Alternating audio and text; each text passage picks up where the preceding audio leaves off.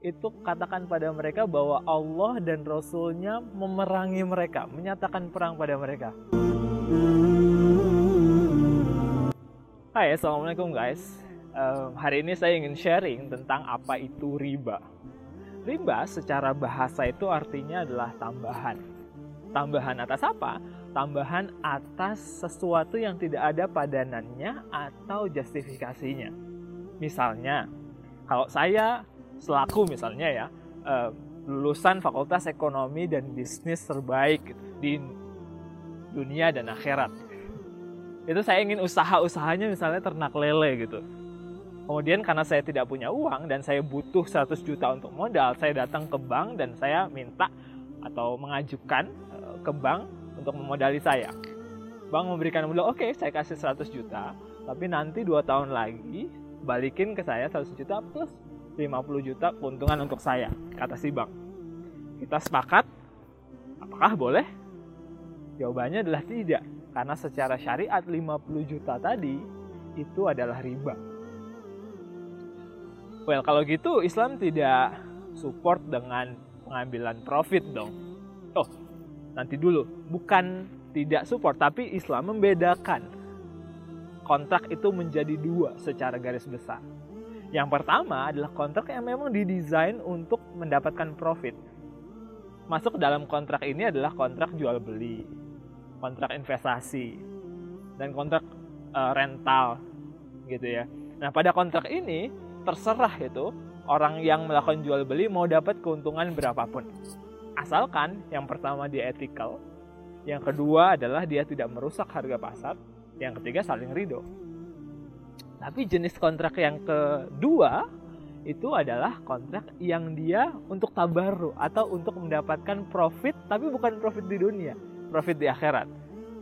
Dalam kontrak ini, transaksi yang tadi kita sebutkan itu masuk, yaitu adalah transaksi uh, piutang. Dalam transaksi piutang, kaidahnya menyatakan kullu qardin jaro manfaatan fahuwa riba. Setiap piutang yang dia berimplikasi kepada kebermanfaatan pada yang memberikan, maka dia riba. Termasuk tambahan uang pengembalian. Nah, kenapa sih kemudian penting untuk Islam, untuk kita Muslim, itu menghindari riba? Jawabannya secara umum ada dua. Yang pertama adalah terkait dengan uh, jawaban religius. Kalau teman-teman lihat di belakang saya, ini adalah salah satu katedral atau church gitu ya terbesar di uh, Inggris yaitu adalah uh, Durham Cathedral. Tahukah teman-teman semua bahwa uh, umat Kristiani itu dahulu melalui gereja juga melarang pengambilan riba. Begitu pula umat Islam. Islam melarang melalui Al-Quran dan sunnah yang begitu banyak mengambil riba. Allah mengatakan wa ahallallahu al-bai'a wa harrama riba. Allah menghalalkan jual beli dan mengharamkan riba. Riba itu kenapa diharamkan? Karena dosanya yang besar. Bahkan riba adalah satu dari sedikit dosa yang Allah itu menyatakan perang terhadap mereka. Allah dan Rasulnya menyatakan perang terhadap mereka fa illam taf'alu fa'zanu biharbi minallahi wa rasulih. Katakan tuh sama orang-orang yang ngeyel tetap mengambil riba padahal dia udah dibilangin gitu ya. Itu katakan pada mereka bahwa Allah dan Rasulnya memerangi mereka, menyatakan perang pada mereka. Wow guys, kalau saya sih ya dinyatakan perang sama Allah, nggak deh. Gitu. Karena perang lawan negara ini aja UK, mungkin kita nggak akan menang gitu. Gimana perangnya lawan Allah dan Rasulnya lagi. So, itu argumentasi-argumentasi terkait dengan agama. Tapi argumentasi lainnya bisa kita ambil dari ekonomi juga. Kenapa? Karena argumentasi ekonominya adalah justice. Islam, sekali lagi, itu dalam konteks court atau dalam konteks piutang, itu sama sekali tidak menganjurkan adanya piutang kecuali darurat banget sebenarnya. Makanya ada mungkin teman-teman juga sempat membaca, mengetahui bahwa ada orang seorang yang syahid kemudian dia eh, apa namanya ditunda masuk ke surganya. Kenapa? Karena dia masih memiliki hutang. Serem banget kan? Apalagi hutangnya ada ribanya. Gitu kan? Maka hutang hanya diambil oleh muslim ketika membutuhkan. Kalau misalnya kita mencharge sesuatu lebih besar atas hutang seseorang maka sebenarnya kita sedang menzolimi dia. Karena dia itu sedang berada pada masalah nggak punya uang gitu jadi kita taking advantage terhadap seseorang yang memang tidak memiliki uang itu kalau misalnya dalam konteks yang tadi yang tidak memiliki uang. Tapi anggaplah kalau saya uangnya itu untuk usaha. Sama bank pada pada kasus yang tadi di awal kita bahas itu kan sama sekali tidak mengambil resiko usaha kita, resiko bisnis kita.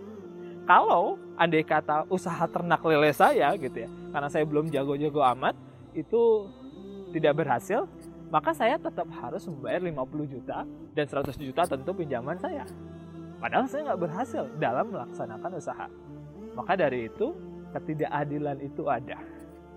Dan masih banyak contoh ekonomi yang bisa kita kita pelajari gitu. Bahwa misalnya teman-teman juga mengetahui saat ini sistem ribawi yang dianut oleh negara kita juga Indonesia misalnya menyisakan 250 triliun di tahun ini yang harus kita bayar kepada penghutang, kepada yang menghutangi kita bukan hutangnya itu, tapi itu bunganya. Bayangkan 250 ribu, 250 triliun berapa kerupuk yang bisa kita dapatkan gitu kan? Atau juga kita bisa belajar dari krisis negara maju 2007 dulu. Global Financial Crisis. Negara Amerika, bahkan negara ini UK juga terkena imbasnya. Taxpayers yang seharusnya mendapatkan kesejahteraan dari uang yang mereka berikan, uang yang mereka berikan kepada pemerintah itu harus digunakan untuk membail out, menolong sistem perbankan dan sistem keuangan dari negara tersebut.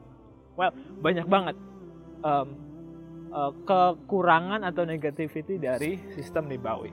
Nah, lantas kemudian Islam tawarannya apa untuk mengganti sistem ribawi tersebut?